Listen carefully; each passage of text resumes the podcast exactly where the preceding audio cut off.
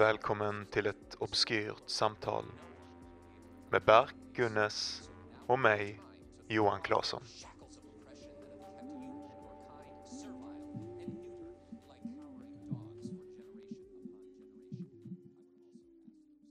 Hej, hej, hej. Ska du säga något eller? Välkommen till ett eh, obskyrt samtal. I dagens avsnitt så pratar vi om att skriva, om Berk som har haft eh, writers block, hur det känns, olika metoder som vi har för att komma över det. Lite olika tankar som vi har på vårt skrivande där vi är nu.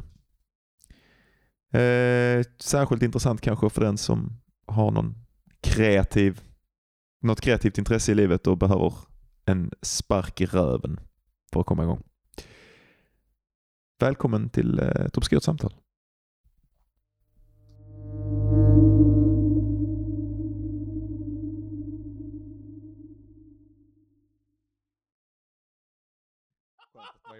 Professional i alla fall. Så Bart-Gunne spelar inte in som vanligt. Du har, du har ett jobb. Du ska trycka på den Fan röda, också. feta röda knappen. Den ska lysa, den ska inte blinka. Problemet är när man trycker på den feta röda knappen så måste man trycka två gånger. Den första gången för att sätta igång någon slags preview mode och andra gången för att faktiskt spela in. Kolla nu, jag bryr mig inte om dina jävla tekniska Fan också, vi hade värsta fina samtalet där. Ja, vi hade ett jättefint samtal. Du förstörde alltihopa. Nu Åh. vill jag att du ska fokusera på någonting annat. Håll käften när vi spelar in nu. Min jävla, det ligger en på min soffa som nu tror att han kan bara bryta in i vårt jävla samtal. Så jag blev fucking provocerad. Okej, vi, ska vi bara göra om hela samtalet en gång till? Nej det kan vi inte göra. Det kan vi inte göra, men det, däremot vill jag att alltså. du fokuserar på hur fucking cool jag ser ut när jag håller micken så här Att jag ser ut som Iggy? Pop. Nej jag tänkte på det också när jag såg det. Att jag tänkte att du ser ut som en, en riktig. Liksom. Så låter inte riktigt Iggy Pop, men det är en, eh, det är en vag, en vag impersonation. Ja. Vi, idag tänkte vi att vi skulle prata om att skriva lite grann. Va? ja, precis. Jag är det, det, jag är lite bakis så det kommer kanske bli ett lite löst eh, avsnitt. Jag har varit uppe hela natten och Skrivit. ja, det vet jag, samlat eh, inspiration. Ja, ja såklart. Ja. såklart. Ja, jag, jag, jag, jag förstår den, den känslan. Samla inspiration ute ehm, genom att inte skriva och dricka en massa Ja. och blixten bakfull. Jag vet att du också samlar information, eller inspiration genom att inte skriva i alla fall. Att det är dina, dina Ja, det är min metod. moves, jag jag tänker två veckor att inte ens pilla på, på ditt bokprojekt är Mm. ungefär en, en jättebra tidsperiod för att samla på sig tillräckligt mycket inspiration genom, att, genom självhat. varför, har du inte, varför har du inte skrivit på två veckor? Ehm, jag vet faktiskt inte. Jag tror att uh, delvis har det haft att göra med podden. Alltså jag har typ varit lite uppe i varv. på detta. Ja, jag har tänkt på det mycket. Och sen så, och sen så har jag suttit och skrivit lite på det här engelska eh, projektet jag pratade om. Mm. ehm, på skriva, i skrivarcirkeln. Och så har jag bara fucking varit rädd för pappret, helt ärligt. Alltså jag typ satt mig ner framför skiten, typ igår exempelvis, och Mm. bara fetehuvudvärk och allting sånt, men jag har bara inte energin i mig att, att öppna upp det. Jag känner mig typ besegrad av pappret på något sätt. Det händer dig för fan. eh, Det är en sån kumulativ grej också. När man, eh, om man hamnar vid sidan av att skriva, om man är liksom en skrivande människa. Jag vet inte hur det är med andra kreativa. Man hör inte folk som målar eller fotar eller så. Att, de har, att det är riktigt den här eh, att varje dag-grejen är så jävla viktig. Hamnar, hamnar man vid sidan av varje dag-grejen som Mm. skrivande så är du ju du är fucked. Ja, Det ja, blir inga jävla, det kommer inga jävla ord. Nej, nej, exakt. Man måste komma in i det. Och, samtidigt så tycker jag det känns lite konstigt för att alltså, visst, hela det här varje dag-skrivandet är jätteviktigt. Att komma in i, i struktur och sånt. Men för mig exempelvis så behövs det tid också. Alltså, jag kan inte bara skriva lite varje dag. Jag måste skriva mycket varje dag. Annars hittar jag inte det. Och på något sätt känns det, känns det lite som att man, man kanske skriver ehm, mycket, man kanske skriver väldigt lite en period och så skriver man lite av det varje dag. Man kommer aldrig riktigt in i det, förstår du? Alltså det känns aldrig som man rör kärnan av det man vill, man vill hitta och varje dag så kommer man tillbaka och måste återuppfinna hjulet på något vänster. Eh, Så blir det svårare och svårare. Men det är inte därför jag är besegrad. Jag är mer besegrad för att, jag har pratat om detta tidigare, men i perioder så kommer jag till någon slags känsla av där jag har suttit och skrivit ja, 20 000 ord och sen så läser jag om det och sen inser jag att det suger. Mm. Så tar jag bort det. Eller flyttar över det till något annat eller strukturerar om det eller ändrar om och flyttar på saker. Och sen inser jag att fuck, här är jag igen liksom. här har jag en gång till skrivit så här långt, varit skitnöjd, kommit Mm. till punkten där jag verkligen tyckte det var som bäst. Läser om det, inser att det är skitdåligt och sen börjar jag om från början. Ja. Och när du gjort det typ tio gånger, alltså på riktigt tio gånger, då, då tänker du nej, alltså jag, jag pallar inte göra det en gång till. Jag har faktiskt också haft en, eh, för jag, har inte, jag går inte igenom samma kris som du gör. Alltså jag, jag skriver ju och skriver mycket varje dag, men jag har haft en sån känsla av att jag bara, vad fan, vad, vad är detta för någonting? Ja, ja. Alltså vad, vem, vem bryr sig Ja. om detta är jävla alltså, så Jag har sådana idéer som jag har suttit och nötat med nu år efter år efter år efter år och som jag försöker liksom precisera och lägger skitmycket ansträngning på att de ska funka i berättelseformatet och sen bara, men vad fan de här idéerna är ju ingenting. Ja. Varför, alltså jag har bara blivit blind för det. Alltså jag, eh, och jag hoppas att det inte stämmer eller att jag ska på något sätt hitta vad i dem som ändå är kommunikativt viktigt. Vad är det för idéer som du är rädd att... Det vill jag, det vill jag inte... eh, Det, alltså det är ju mina estetiska idéer. Mm. Mina, ja, men det alltså menar, de vilken kategori bakomliggande. av idéer alltså, är det du är rädd Ja, men det är tematiska idéer. Liksom, så det är det som, det, som, det som jag försöker quote unquote kommunicera eller som jag, hur jag tänker Mm. på. Det är ju aldrig det en läsare kommer åt ändå. Så det, jag vet inte hur mycket det gör du vet. Men jag har börjat känna att jag bara att jag bara shit, jag tror att jag, jag säger någonting. Men egentligen säger jag ingenting. Alltså det här har inget, eh, det här har inget värde. Alltså det här är inte, en, det är inte en smart tanke, det är inte en djupgående tanke. Jag skriver inte med svin mycket patos. Liksom. Ehm, jag försöker ju ibland men det är inte... Alltså, på ett sätt är mitt skrivande lite intellektuellt utan att vara det. Det är nog det som är grejen. Alltså Mm. typ så här, att det bara är, är massa avancerad struktur och grejer. Och att jag kan få sådana kriser att jag bara, ja men varför? Alltså sjukt så finns det andra människor som bara skriver svinminimalistisk, snygg, Ja. direkt till hjärtat text om kärlek Alltså, som betyder kolla, allt. en av de första sakerna man måste lära sig när man börjar skriva tror jag det är att fatta att man inte kan ibland skriva det man vill skriva som. Och att förstå typ att okej, jag gillar den här typen av, exempel, jag, kanske, jag, kan, jag kan exempelvis läsa Cavé och så tycker jag att hans spionberättelser är extremt välskrivna. Alltså jätte, jättebra. Alltså, eh, kontextualisera Carré lite snabbt. Cavé är den här klassiska spionförfattaren som påstår sig vara en, en, en underrättelseagent. Åtminstone var han det i några månader. Sen efteråt så skrev han en bok som hette, jag vet inte vad den hette, jag kommer inte ihåg hans första berättelse. Men det handlar framförallt om en, en agent som heter Smiley som är en sån här eh, MI6-agent. Men det är inte så här, eller MI5 kanske det. Men det är egentligen inte James Bond-liknande spion utan mer byråkratiska, kalla kriget. Mycket, eh, du vet, gå bakom ryggen och så vidare. Och så vidare. Mm. Han har i alla fall skrivit en bok som heter ehm, The Spy Walked In From The Cold som är fan exemplarisk. Alltså. Som du har rekommenderat till mig hundra Ja, gånger som jag ska läsa ändå. Om, om, du, om du vill lära dig någonting om, om form och struktur så är det den du ska börja med. Liksom. Mm. Men alltså, så det, jag har sagt det hundra gånger, jag beundrar så jävla mycket typ så här gamla klassiska deckarförfattare, spion, thriller-författare, sånt skit. De är sådana construction ja, ja. geniuses. Ja, ja, alltså, de såklart. har en sån känsla för klockverket Precis, precis. Som ibland kan gå förlorat bland den sortens författare som jag läser som ofta kan vara liksom bara så här stora spirituella utläggningar om, Ja, ja. om Alltså, kropp och sex. på något sätt så vill man ju ändå ta typ blanda de två. Det är det som känns som, som lite av vad vi vill och gillar. Alltså jag, det är jag, det som är grejen, man, men, men det är också det som är Ja, det är väl så man hittar sin, sin röst eller sin riktning. Men du vet, det här att väla blanda olika grejer eller väla göra allting. Ja. Man tänker alltid att man själv är den som, som, som kan göra det. Ja. Men det kanske finns en anledning Nej, att exakt. andra har begränsat sig innan en. Och man, man, man Ja. kommer alltid till den insikten. Man bara, jaha, jag trodde bara att ingen hade gjort en connection eller någonting. Men det visar sig att det här är omöjligt. Men samtidigt, alltså, jag vet inte om det är så sant. Det, den, många, många hybrider är oftast, alltså, oftast lyckas en viss typ av hybrid väldigt bra. Och då är det ibland som att när man väl har hört om blandningen efteråt så tänker man hur fan kunde ingen ha kommit på detta tidigare? Och som du säger så kanske det är så att majoriteten av hybrider kanske inte fungerar. Kanske bara handlar, det kanske egentligen inte handlar om att hybrider inte fungerar utan hur de fungerar ihop. Man måste Ja. hitta komponenter som passar. Liksom. Och Carré Mm. exempelvis spionförfattare tillsammans med mer esoteriska texter som vi skriver på. Visst, det kanske inte funkar på alla sätt, men det finns nog någon metod att få den här sexiga strukturen som han arbetar med, men in, inte själva spionkomponenten utan sättet det är skrivet på.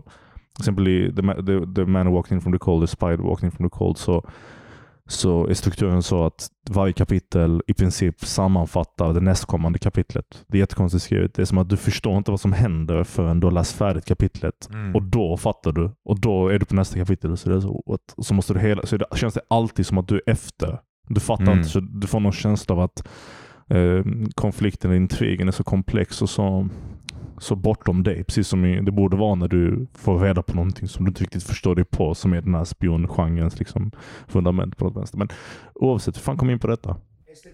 Estetik. Var det någonting med Vi har estetiska en, idéer? en kille här bakom oss ja. som hjälper oss. Ja, skönt att ha en jävla moderator när det är två stycken helt Estetik, förlorade. Ja. Jag ska ha sån line please nästa gång. Vill du ha ett jobb? Ligga, Ligger i soffan och bara ligga, ligga där bakom och vara en sån jävla stökig. Han ser ju estetik Förlåt, men men fortfarande inte jag ihåg. har Det var... tagit in och eh, låter honom sova på min soffa. Så det shit. Nej okej, men du vet Han är hemlös estetiska. Nej. Ja, Skit i Armin nu, låt honom vara. Han, han, är, han är som en, en planta ungefär. Om man bara blir fin och gör lite så här ambiance till rummet. Man får titta förbi honom lite så. Ha honom i periferin. Ehm, nej, estet. Grejen var att jag pratade om jag pratade om att jag hade idéer som jag kände var typ för stora eller för svåra eller ing, eh, utan substans. Liksom. Att, jag, att jag är för dum för att skriva dem. Att jag Ja, just inte. Någonting sånt. Och sen så kom kommer du in på... Ja, ja, ja, ja. Det jag ville komma in på, att veta vad du inte kan skriva. Att veta att du som människa, eller du som författare, du måste veta innan du börjar att jag är inte den som kan skriva det här rakt till hjärtat texterna som du pratar om. Jag är inte den typen av författare Du tänker att kan... man måste göra detta? Jag, jag tror att det finns en del, en, en, en del av själva skrivande processen. Jag tror inte det är någonting du aktivt måste göra, men jag tror att när du skriver så kommer du Du antagligen upptäcka det exakt. Eller så kommer du försöka emulera någonting du inte riktigt har förmågan att göra. Det har verkligen varit, jag, jag ska låta det fortsätta, men det har verkligen varit en sån sak som jag under tiden som jag har skrivit har kommit till insikt med. Eller verkligen fått, fått här att försöka tänka på eh, att, att ta bort min gärning från mig som person och göra det mer till en del av, liksom, eller se mig själv som en del av en större strömning och att det som är det viktiga är strömningen. Mm. Så om det finns en massa fantastisk litteratur så kan jag vara glad och älska den fantastiska litteraturen och älska min egen lilla fåra precis. istället för att jag ska tänka på mig själv som någon slags grej som man kastar över den här Ja, strömningen och som täcker hela saken. Ja. Jag, jag, det det är snarare tvärtom. Man vill ju vara superspecifik. Det är ju det Ja. det är att ha en röst eller en personlighet Precis. eller vara en unik författare. Precis. Nej, du har helt rätt. Ehm, ja, det, delvis är det det att, att, att förstå det, men också att veta att um, ens, kanske ens kapacitet eller förmåga eller ens sätt att um, berätta berättelser på inte hade kunnat passa in i den strömmen heller, även om man hade velat. Jag tänker exempelvis mycket på sådana här relationsdraman eller berättelser som har gett mycket att göra med relationella komponenter. När du, när du, hur du pratar med din familj, hur du pratar med din partner. Den här typen av dialog som, som, som där tyngden existerar i, i mellan, eh, upplevelsen mellan oss, dig och mig exempelvis. Att jag tror att jag är exempelvis en person som hade kunnat skriva det. Alltså jag, jag hade inte ens kunnat, men jag kan älska att kolla på det. Jag kan tycka det är extremt skickligt att kolla på en film eller läsa en berättelse där det är eh, kärnan i hela intrigen. Men jag kommer aldrig kunna göra det själv. Så att jag kan fortfarande älska den typen av berättande men inte kunna göra det själv. Ja, Hade jag exakt. inte vetat det själv så kanske jag hade suttit och kämpat med det och varit frustrerad hela tiden över att fan alltså, det blir inte bra. Därför att min tröskel är så hög liksom, på vad jag tycker är bra relationell, relationella berättelser att jag bara inte kan nå den själv. Liksom. Men samtidigt, du vet, man kan, man kan ju ha en styrka och sen så kan man ju fånga in sig eller fångas i, alltså jag vet ju precis vilka atmosfärer jag är skitduktig på att Ja, skildra ja, och bygga. precis. Liksom. Och ibland när jag bara sitter och leker så kan jag bara producera sida efter sida efter Mm. sida efter sida med text som bara är lite fyndigt språk liksom. Mhm, och vackra beskrivningar och sånt där. mhm. Men som inte är värt ett jävla skit. Och jag, att jag måste slå mig ur min egen konstnärliga inklination och bara vara i det här i, i, i, de här smala estetiska korridorerna som jag annars dras till. Ja, vad du säger. Absolut. Och så till exempel eh, så har jag ju verkligen ingen böjelse att skriva dialog. Jag Ja, måste ja. tvinga mig till det. Ja. Alltså ja, ja jag, jag tror att jag satt och antecknade lite på saker vi hade kunnat prata om tidigare i det här avsnittet. En av sakerna jag, jag kom in på som jag egentligen ville prata om senare i avsnittet var röst. Men jag tror att det är ett jättebra, jättebra område eller plats nu att komma in med det. För att jag tror att röst skapas när du, när du gör så. När du har vissa estetiska saker du tycker om extra mycket och sen så försöker du emulera det, försöker du hitta till det. Men Ja. du kan inte. Så du kommer på en kompromiss. Och Ja, den kompromissen blir din unika, din, ditt unika sätt att berätta det på. Ja precis, och så verkar det som att du har kommit på någonting när du Ja, istället exakt. egentligen bara har misslyckats på Ja, allting ja. annat. precis, Tills precis. en liksom röst, allting och hittat exakt den biten Ja. som du är duktig på och sen... Ja, det är skitklokt. Det är exakt så det är. De grejerna som jag vet är bra i min, i min text Mm. är liksom allihopa produkten utav att jag bara har failat på vissa estetiska idéer som har intresserat mig eller som jag tycker är självklara i Ja, andra ja. verk och som jag har verkligen så här jagat och bara huggit bort och huggit bort och huggit bort. Och sen så nu är det typ precis som du Ja, säger, ja. På, på ett visst sätt. Liksom. Ehm, ja, nej men bra att vi kom fram till det. Då har vi löst det problemet. Det är så man skapar röst, Ah. mina vänner. Så, fixed it. Fan vad nice alltså. Så jävla sjukt att efter tusentals år av skrivande så är det bara du och jag som bara i en podd en söndag eftermiddag fucking bara löste det så jävla enkelt. Det, det jag sa det till dig innan vi började att jag visste, man blir, nu var det i och för sig du som löste det, men jag tänker ändå nog ta åt mig äran för det faktiskt. Att, men det eh, okej. att, eh, Fine. att jag visste för att jag var så bakis att jag, bara, att jag skulle sitta på philosophical nuggets. Ja. Eh, hellre två stenar i handen än, en, än ett vagnshjul i, på momangen. Där har vi det Jag mina, vet mina inte. vänner. Ja. Där har vi det. Visdom 1 av Johan Claesson. Jag får en, en annan visdom av dig då Johan som jag, istället kan handla om skrivande. Jag tänkte fråga dig, du är exempelvis väldigt duktig på att göra scenbeskrivningar. Prata om hur saker ser ut i texter som är väldigt främmande för mig. Ja. Eh, berätta lite om din process om det. Hur tänker du kring det? Men det är väl samma sak då att, man, att jag har väl ingen process. Jag märker när andra inte har... Alltså för mig är det så tydligt. Alltså jag, jag sa det någon gång också att jag börjar med bilder först. Det är en skitintressant grej. Jag pluggar i författarskolan nu. Om jag får läsa andra människors text som skriver väldigt annorlunda än en själv. Att man kan verkligen få någon insikt, insikt i hur de organiserar intryck i deras psykologi. Det är någonting Ja, liksom, särskilt med så här um, relativt unrefined texter Ja, så blir människors psykologi så jävla tydliga. Så Ja. huruvida de ser rum eller inte, precis. vilka blickar de fokuserar på, Men hur de avgränsar ja. subjektet i berättelsen, sinnena. Ja, ja. Men, men det är ju förutsatt att de har kommit till den nivå av skrivande där det kan synliggöras. Nej, Och, eh, det är det inte. det är det inte? Nej, jag säger det till dig, berätta. Ja. Alltså såklart, äh, då finns det ju något riktigt genialt. Alltså du, vissa människor kan ju framställa sitt, sin psykologi på ett helt sinnessjukt sätt när Ja, de är jätteduktiga. Det, det, det är Men det jag menar. det- nej. nej. jag menar så här, förlåt jag var otydlig. Jag menar så här att ehm, när du börjar skriva tror jag så, så härmar du mycket andra författare och när du väl kommer en viss nivå upp så börjar du sluta göra det och då kan ditt skrivande börja synliggöra vad du egentligen, hur du egentligen ser på saker. För du försöker inte härma andra. Du Ja, försöker inte göra Stephen King, liksom. du gör dig själv. Typ jag läste en text, jag, jag hade en text eh, som jag läste, eh, nu får man inte lov att säga. Ah, Jag tänker att om jag inte ger några detaljer så kanske det kan. Eller jag hade en text som jag läste eh, som var en skitbra text. Men där, eh, där eh, den här, det, det var, ingenting var beskrivet. Ja. Alltså det var det som jag har sagt, det som man ibland pratar om white room syndrome. Mhm.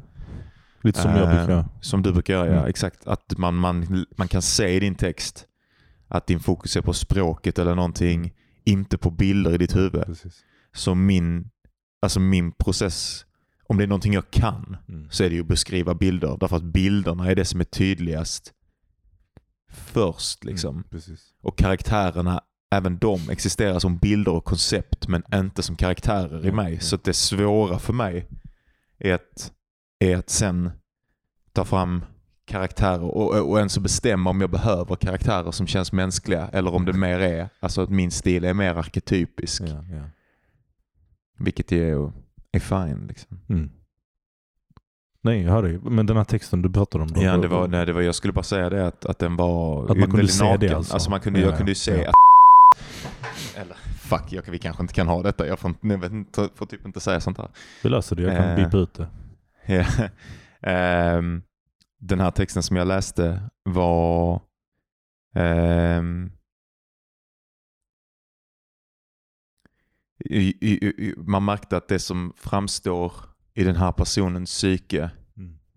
är eh, karaktärer, eh, konversationer, känslor, Ja. men inte rum. Ja. Och det är jävligt intressant att, att få den insikten i en annan människas sätt att organisera sina intryck. Jag, jag, jag tror du har rätt. Alltså, som person som skriver så själv så, så kan jag verkligen relatera till det. Och en sak jag kan säga är att jag, jag, kan, jag kan också känna igen att jag, att jag tror att det finns vissa typer av läsare också som, som kan uppskatta den typen av text mycket mer för att de själva är sådana också. Alltså jag som person som inte ser bilder tydligt i skallen tycker det är roligare och mer nice att läsa sånt än det att läsa texter som har mycket scenbeskrivningar. Och inte för att jag ogillar scenbeskrivningar, det är bara svårt för mig att föreställa mig. Precis som det kan vara svårt för dig att, att få kontext i en text där det inte existerar en förankring. Liksom. Uh, men det sagt, alltså, jag, jag tänker typ mycket på, på, på eh, facklitteratur exempelvis. Jag tycker facklitteratur är ofta skrivet utan kontext, utan uh, rum.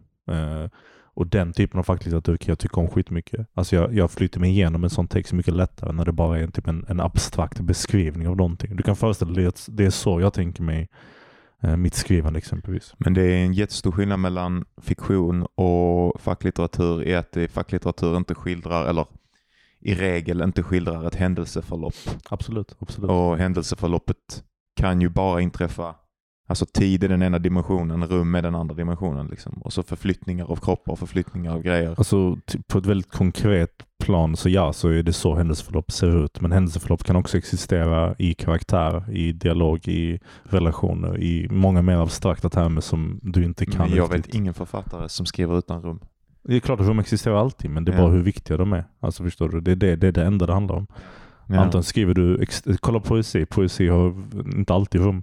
Poesi beskriver rum, men inte Ja. rummet berättelsen be, befinner sig i. Men, men poesi är inte berättelser. Nej, men det kan vara. Ja det kan vara, men då, ja, då, har de ju typ då, rum. då, då tangerar du på något annat. Liksom. Ja. Hör det. Ja. Eh, men okej, så, så du menar liksom på något sätt att, att, eh, att rum och förankring är, är liksom fundamentalt viktiga i en berättelse för att det är det som är kärnan till, till handlandet? Eller? Jag vet, inte om det, jag vet inte om jag... Alltså originalfrågan var från din sida eh, varför jag, eller hur jag, vad jag har för metod för Ja. att skriva på det sättet som jag skriver. Ja, alltså väldigt precis. beskrivningsrikt. Precis. Liksom. Och jag säger att det är inte heller någonting jag har bestämt mig. Nej, okej. så det Det har så. alltid ja, varit okej, det. Jag förstår. Jag förstår. Men, men eh, och jag måste nästan kämpa emot att inte bara hålla på med det. Ja. Eh, därför att det är någonstans där, ehm, alltså i så här suggestiva atmosfärer som kan finnas i, mm. i vissa, i vissa, när ljuset faller på vissa sätt Mm. genom, genom träd eller whatever. Så, Mm. Sådana grejer, alltså så här, det, det atmosfäriska är ju typ, och det mystiska är ju Mm. typ så här, det som intresserar mig till, som, en, som en estetisk idé över någonting annat. Ja, Liksom. ja. Det, det, det, nu, Lite när- som en målare. Jag tänker på mig själv som en målare. Jag förstår vad du säger och det är intressant för att jag tror att medan du pratar så inser jag typ att jag, jag har exempelvis också en estetisk, eh, visuell, eh, ett visuellt intresse. Alltså till exempel omslaget gjorde jag och omslaget gjorde jag på ett visst sätt för att jag tyckte att kompositionen var snygg. Så det existerar en visuell liksom, preferens i mig också. Jag bara tror att den, den preferensen består av andra saker än vad du hade exempelvis tyckt var snyggt. Alltså min fokus ligger inte på den det, på, kanske så här, det du tittar på i ett rum som du vill beskriva. Jag tror att jag också tittar på rummet. Det är bara att det inte finns lika tydligt av, på samma sätt för mig som det finns för dig. Förstår du? Eh, för mig kanske inte ljuset i ett rum lika viktigt som jag vet inte vad rummet ehm, symboliskt kanske betyder. Och de är inte symboliskt på något esoteriskt abstrakt sätt utan ett vardagsrum för mig är ett vardagsrum i funktion och därför viktigt. Ljus Men- för mig är ett ljus i funktion. Ja, jag, alltså, jag, jag, jag bryr mig inte om ljuset som ett fysiskt fenomen. Liksom. Utan eh, en tav, alltså en, om tar du en målare. Jag tittade på, eh, på eh, lite konst idag med morsan. Så tittade vi bland annat på eh, så här naturbilder av eh, van Gogh och eh, Munk. Mhm. Och de har ju något lite likt, lite, lite trippigt, lite psyksjukt i hur de ser eh, miljöer. Och deras tavlor av landskap och sånt är ju aldrig tavlor av landskap Nej. Utan av, av mänsklig psykologi. Ja.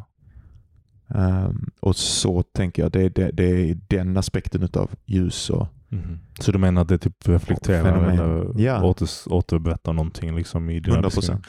Så, men, men det är fortfarande en omedveten process säger du? Alltså det, det är det här med att till exempel du har en viss mood i din hjärna och du skriver om det. Menar du att den, den, det modet liksom psykologiskt reflekterar dina karaktärers mood eller, eller författarens mood eller berättelsens mood? Eller vad är det, vad är det för typ av ja, känslor du försöker beskriva tänker du?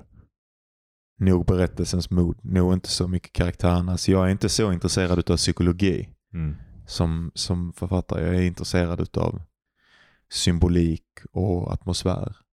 Men den symboliken, den atmosfären, är den typ sammankopplad till någonting i berättelsen som har att göra med människan?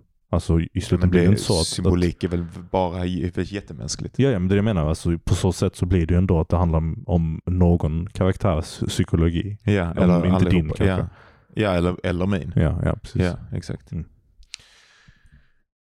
Ja. Hade du någon mer eh, sån här, för nu kom vi väldigt specifikt in på, på någonting ganska specifikt i min skrivprocess där Mm. det då inte finns någonting ute att läsa. Så att det, det känns ju...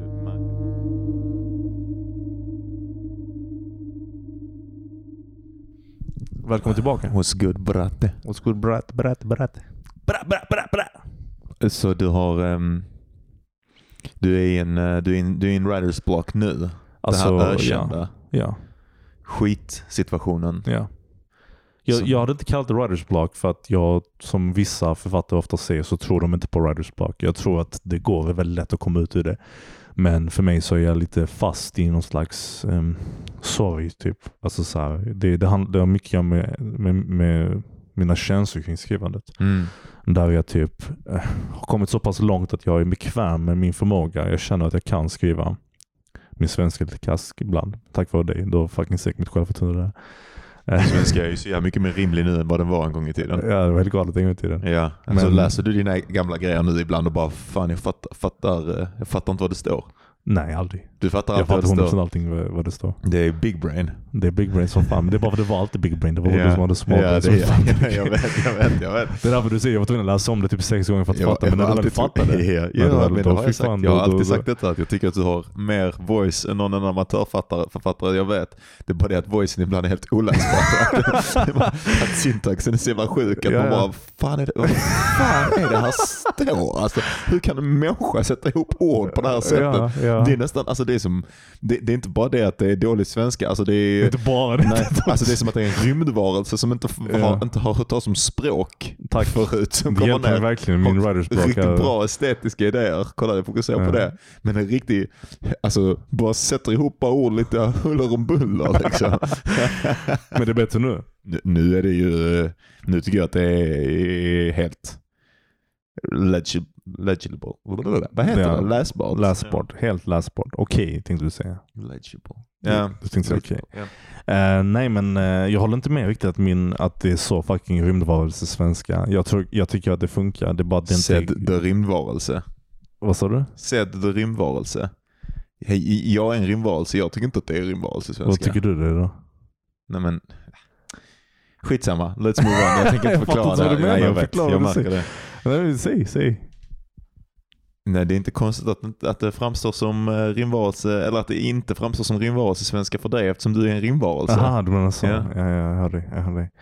Ja, Du kan äta min bajs. Men, ehm, nej, men eh, så ja, så delvis så är det kanske lite det. För att man blir såklart medveten om hur man skriver saker när man, när man blir kritiserad för sättet man skriver det på.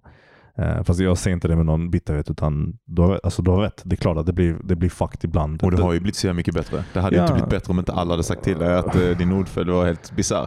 Jag, jag tycker inte den är så jävla elak. Jag tycker inte den är bisarr. Jag tycker den var lite speciell. Ja, ja var, men nu är den jättebra. Därför den var tvungen att passa in i en viss typ av estetik som jag ville göra. Det vill säga att alla texter skulle vara kvadrater. Om de inte var kvadrater så var det inte rätt. Det var tvångstankar. Mm, jag vet. Och då blir det så att Du har svenska mer- måste lida. Du har mer sjuka föreställningar och tvångstankar om skrivandet än någon annan aspirerande eller publicerad författare som jag någonsin pratat med. Ja, det är helt alltså, du är ju psykopat. Jag, jag brukade, men det är bara för att jag satt så länge med den här texten eh, att till slut så kunde jag inte se den. Det började där. Jag lurade in mig själv i något hörn. Jag hade liksom, jag, jag, jag skrev först i Word. Skitenkelt, nice. Jag brydde mig inte ett piss om radstorlek, Eh, hur paragraferna ser ut, hur meningarna ser ut. Som en normal människa borde tänka när de skriver. Helt bara så, bara på textens innehåll, inget annat. Det var skitnice. Men efter en tid så började jag inte kunna se längre hur meningarna var. Jag, jag fattade inte längre om de funkar eller inte. Så jag började skriva dem i olika eh, ställen. Jag började skriva dem på, jag hade vid ett tillfälle i tre månader så skrev jag min bok på Gmail.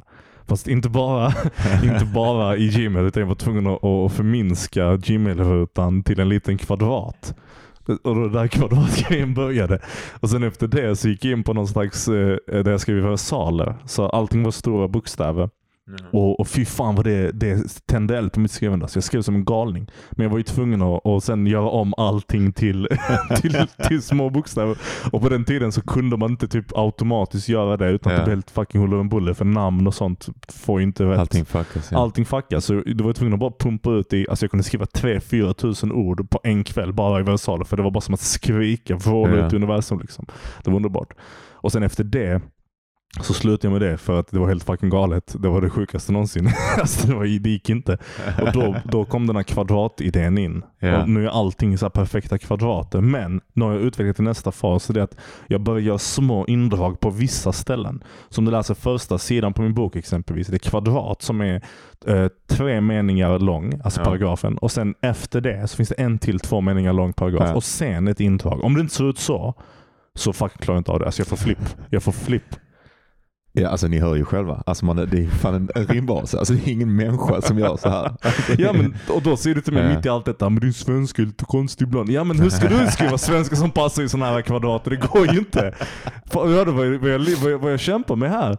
Jag måste passa in dem i sådana sjuka kvadrater och massa fucked up former och det måste sluta på tredje paragrafen på ett sätt. Det går Ja. inte utan att fucka upp sin svenska. Fuck it. Nej, Så är nej, det. nej, det var så. Det var så. Och har du lyckats, är det, är det bara genom sådana form changes som du har tagit dig igenom eller hur?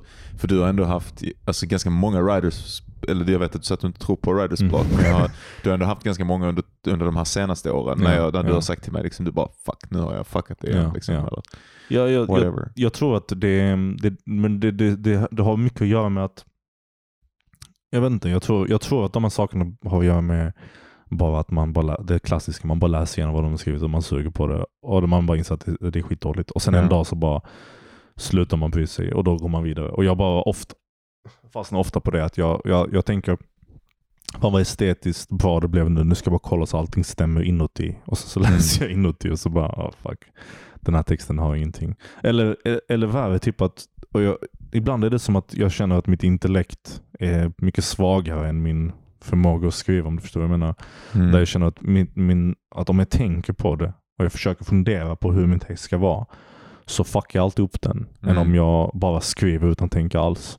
Mm. Och min dröm är att bara skriva utan att tänka överhuvudtaget. Bara pumpa ut min text. För då tror jag att det kommer lyckas så bra som helst. Men Ja. jag kommer alltid till en punkt där jag måste ta in intellektet.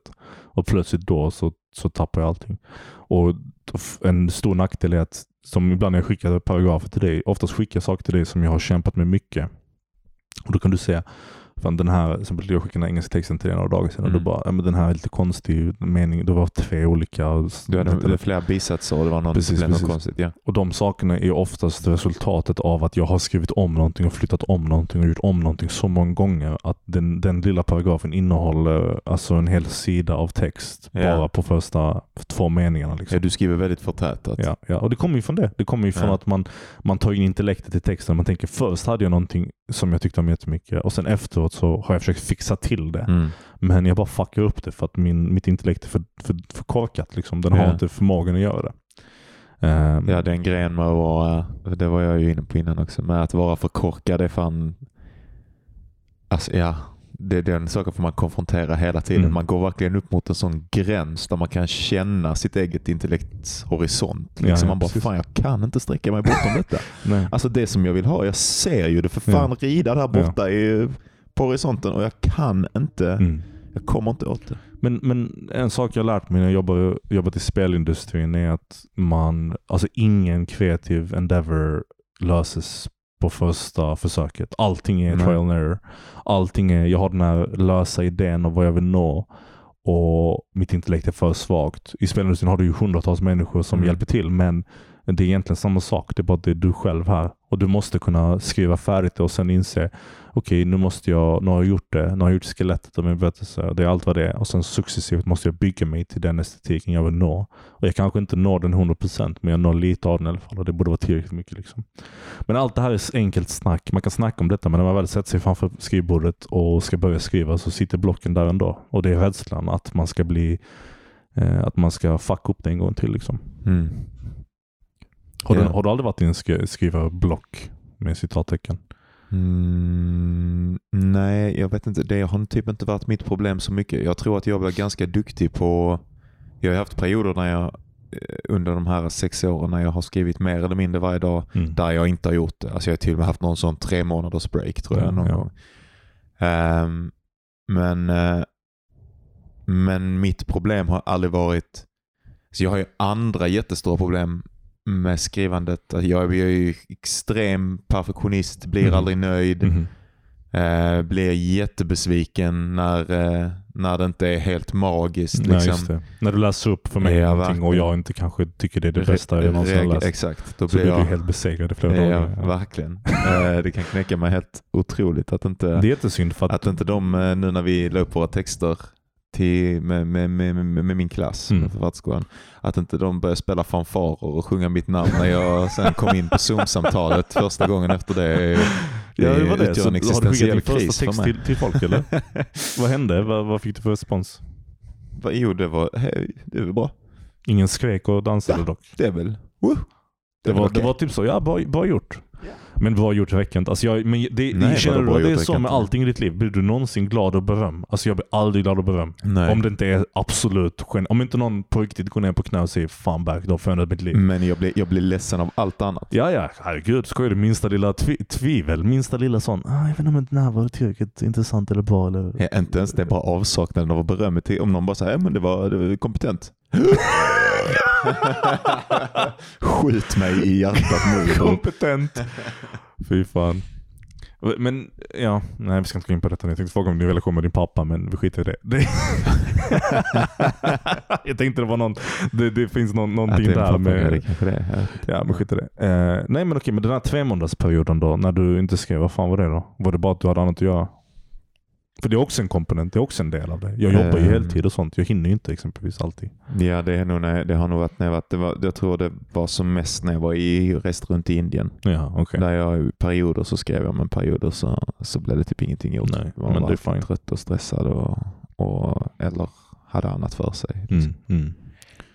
Jag vet inte, alltså för mig så är det som att också som att varje paus dock. Det är därför jag, jag, vill, jag vill komma tillbaka till det här med att när jag sa att det inte, jag inte tror på writers block. Och jag vill kanske omformulera mig och säga att det är inte så att jag inte tror på att man kan sluta skriva men eller att man inte längre har kapaciteten eller orket eller whatever liksom att kunna komponera någonting. Men mer att um, den pausen är nödvändig för att ens text ska kunna växa. Um, jag tror den finns för en reason. Liksom. Och, Ibland, ibland alltså för jag är ju, alltså mitt sätt att tänka på writers block, ibland har jag ju så att det blir fyra, fem dagar, ja, två dagar eller fyra, fem dagar där jag inte skriver. Det händer någon gång om året. ja. Och två dagar händer ärligt talat någon gång i månaden. Mm.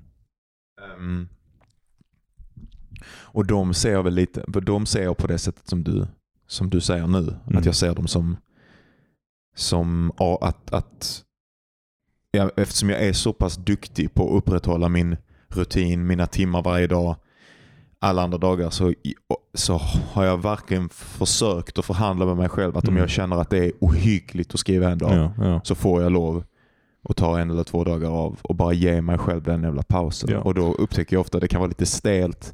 Det är stelare sen när jag ska komma tillbaka till det. Bara två dagar av skrivande gör en jävla skillnad för den här enkelheten inför att stega in i det kreativa rummet. Såklart, såklart. Ehm, men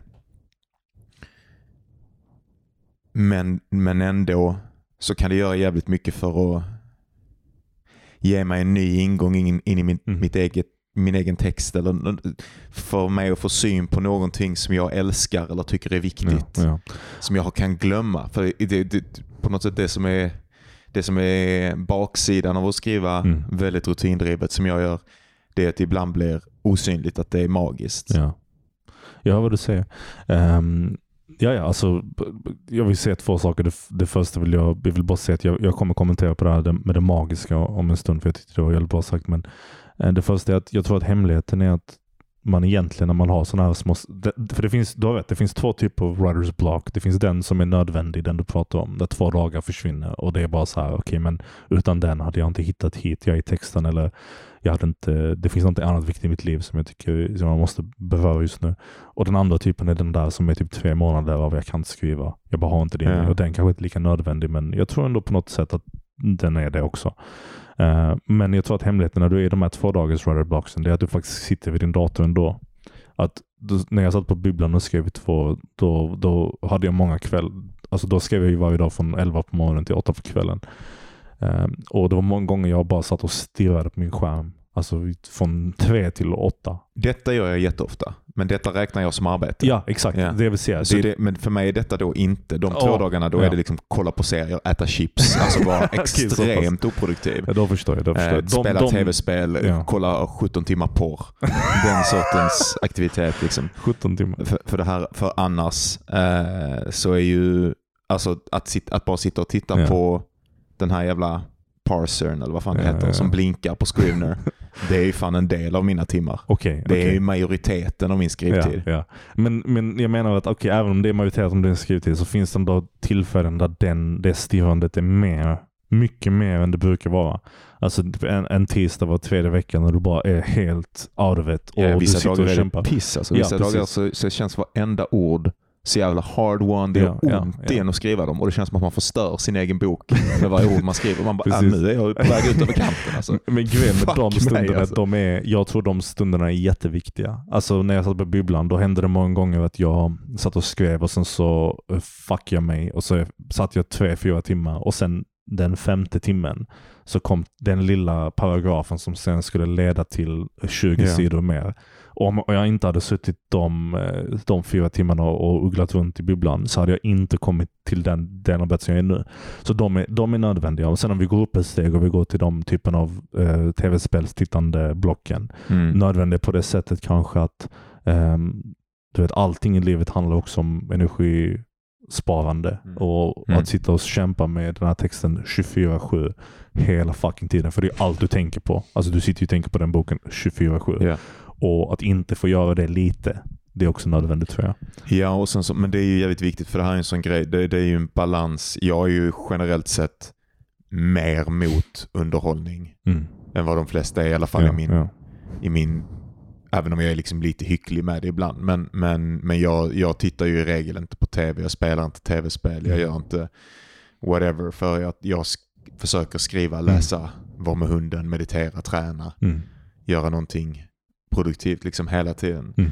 Eh, kanske att jag faller, ibland i alla fall i vissa perioder, lite för långt åt det hållet. Mm. Vilket också har sina negativa konsekvenser. Eh, men, men, men så att när jag säger tar upp vikten utav ibland kolla på serier så är det verkligen som en, då, är det, då treatar man verkligen sig själv. Ja, ja. Eh, Jag tror att eh, man, jag tror att man, det är bättre att falla på att vara hård mot sig själv än Mm. lös mot sig själv om man ska skriva. Jag det tror är att- disciplinen är det det är. Du vet. Du har rätt alltså, men, men man måste också vara tydlig med att det är inte för alla människor att göra det så som du gör det. Och jag, jag tycker inte det är dåligt. Jag hade inte velat Nej. säga så här, men gör inte det för att det är skadligt. Du klarar av det. Jag vet att du gör. Men jag vet att det finns andra människor som hade de djupdykt i den, på det sätt som du gör i skrivandet så hade de inte mått så bra av det. Jag var exempelvis sån när jag, när jag bibblan skrev så så, så skrev jag, då var det bara skrift från 11 eller 10 ibland till 8 på kvällen Mm. och sen ingenting. Jag tänkte inte ens på texten när jag åkte från bibblan och det var det bästa. Det var det bästa för mig för att då hade jag den, den platsen, utrymmet, att jag gick dit. Jag kunde inte skriva hemma exempelvis. Det gick aldrig. Jag kunde inte skriva på helger. Jag kan fortfarande skriva på helger av den anledningen. Men jag, var så, jag, jag tryckte in det så mycket i mig själv att det var måndag till fredag, 11 till 8 och sen inget. Aldrig. Mm. Kunde inte ens tänka på en bra idé jag hade som jag skulle vilja skriva av dagen efter. Någon sånt skit. Det gick bara inte. Så det är olika för alla tror jag i slutändan vad, vad för typ av process. Men, men det gemensamma kanske, gemensamma kanske ändå är den här återkommande um, sitt ner åtminstone några timmar per dag och fucking bara skriv och sen gör om det hela fucking tiden Mm. tills du prickar rätt. Och det sjuka är ju också, jag vet inte riktigt hur vi är på time. Det känns som vi har spelat in svinlänge men Nej, det är fine. Kör. det är fine. Ehm,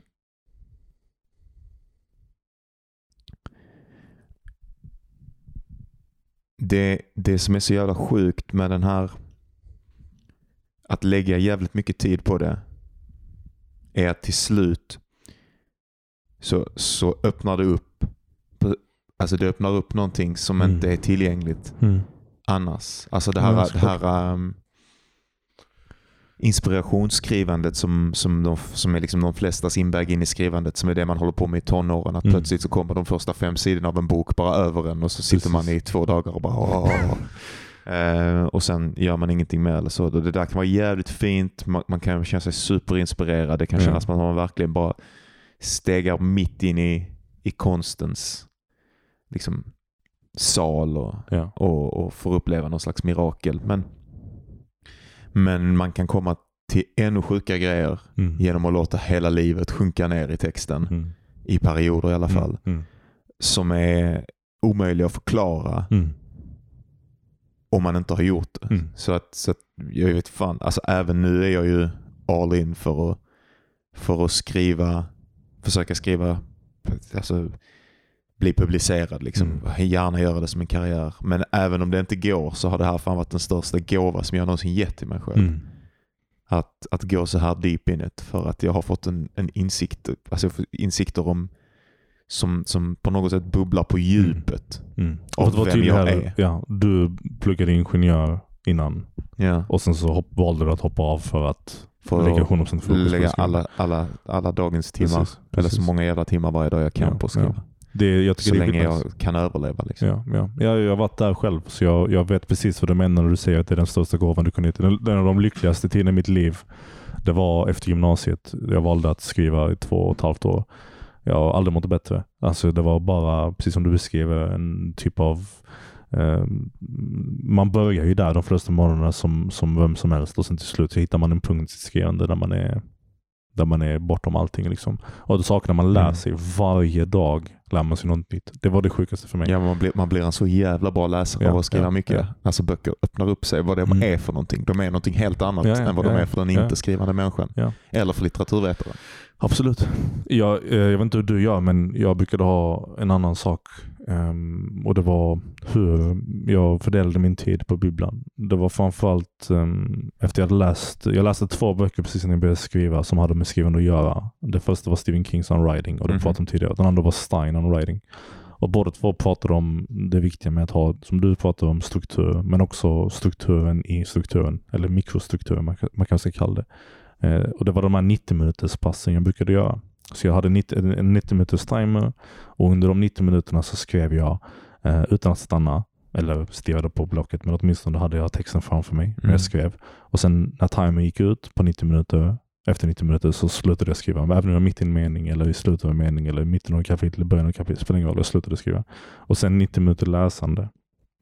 Då plockade jag vilken bok som helst och Mm. läste. Eh, och sen 90 minuter slut, samma sak, stanna. Och resultatet blir någon slags, man bibehåller det här, mom- det här momentumet av skrivandet.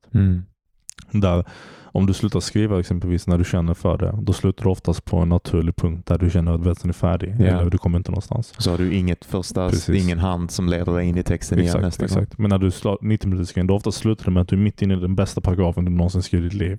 Och när 90 minuter är slut så vill du bara avsluta den paragrafen, men du, Ja. du får inte. Och då lä- läser du 90 minuter. Under de 90 minuterna du läser så sitter du och kokar inombords för du vill bara tillbaka till skrivandet. Ja. Och så fort 90 minuter är slut med skrivandet, läsandet så hoppar du tillbaka till skrivandet och så är det momentumet tillbaka. Tillbaka. Det är Det är, en den bästa bra metod. metoden någonsin. Det är en tung metod, jag ska prova den någon gång. Den är fantastisk. Och det, det, så jag tänkte fråga dig om du hade någon liknande. Jag vet att du har pillat på de här 25 minuters och liknande. Jag håller på skitmycket med pomodoro och sådär. Mm. Vad är det för något? Eh, 25 minuter på, 5 minuter av. Fyra runder. Sen Ja. tar en paus en halvtimme. Ja. I perioder i alla fall använder jag det svinmycket. Då man, man blir skitproduktiv. Ja. Är det samma sak där? Att det behåller momentum på något vänster? Eller? Ja, ja, och så ger det dig naturliga pauser och, och hela den biten. Ja. Ja, så att jag, det, det, det. Ehm, ja, det var det. Ja, det, det var det. Eh, Jag tänkte vi kunde se om det fanns några specifika saker som vi fastnade vid som vi tyckte var extra, extra bra, som vi sa idag. Någonting speciellt du tänkte på? Eh, Jag sa fan riktigt mycket bra grejer. Du sa nästan ingenting som jag tyckte alls som intresserade mig. Alltså. Det är som du brukar vara ju egentligen. Ja. Ja. Jag tänkte samma sak egentligen. Jag, Jag, har- jag, jag har mina egna varianter av de här podcasten som jag har klippt själv. Jag har klippt bort allting du säger och så lyssnar jag på det- min egen konversation i, i 45 minuter. ja men det, det, det, det, är inte jag till och med. Jag klipper mig själv, dubbar, overdubbar dina När du delar. pratar. Det är fan vidrig, en vidrig människa är du Johan. En äcklig, äcklig, smutsig människa. ja. Och det sjuka är att jag vet att en del av dig tycker att det verkligen är så. En del av dig innerst inne känner Älskar att du själv. älsk- nej, inte Ja. bara älskar dig själv utan avgudar dig själv.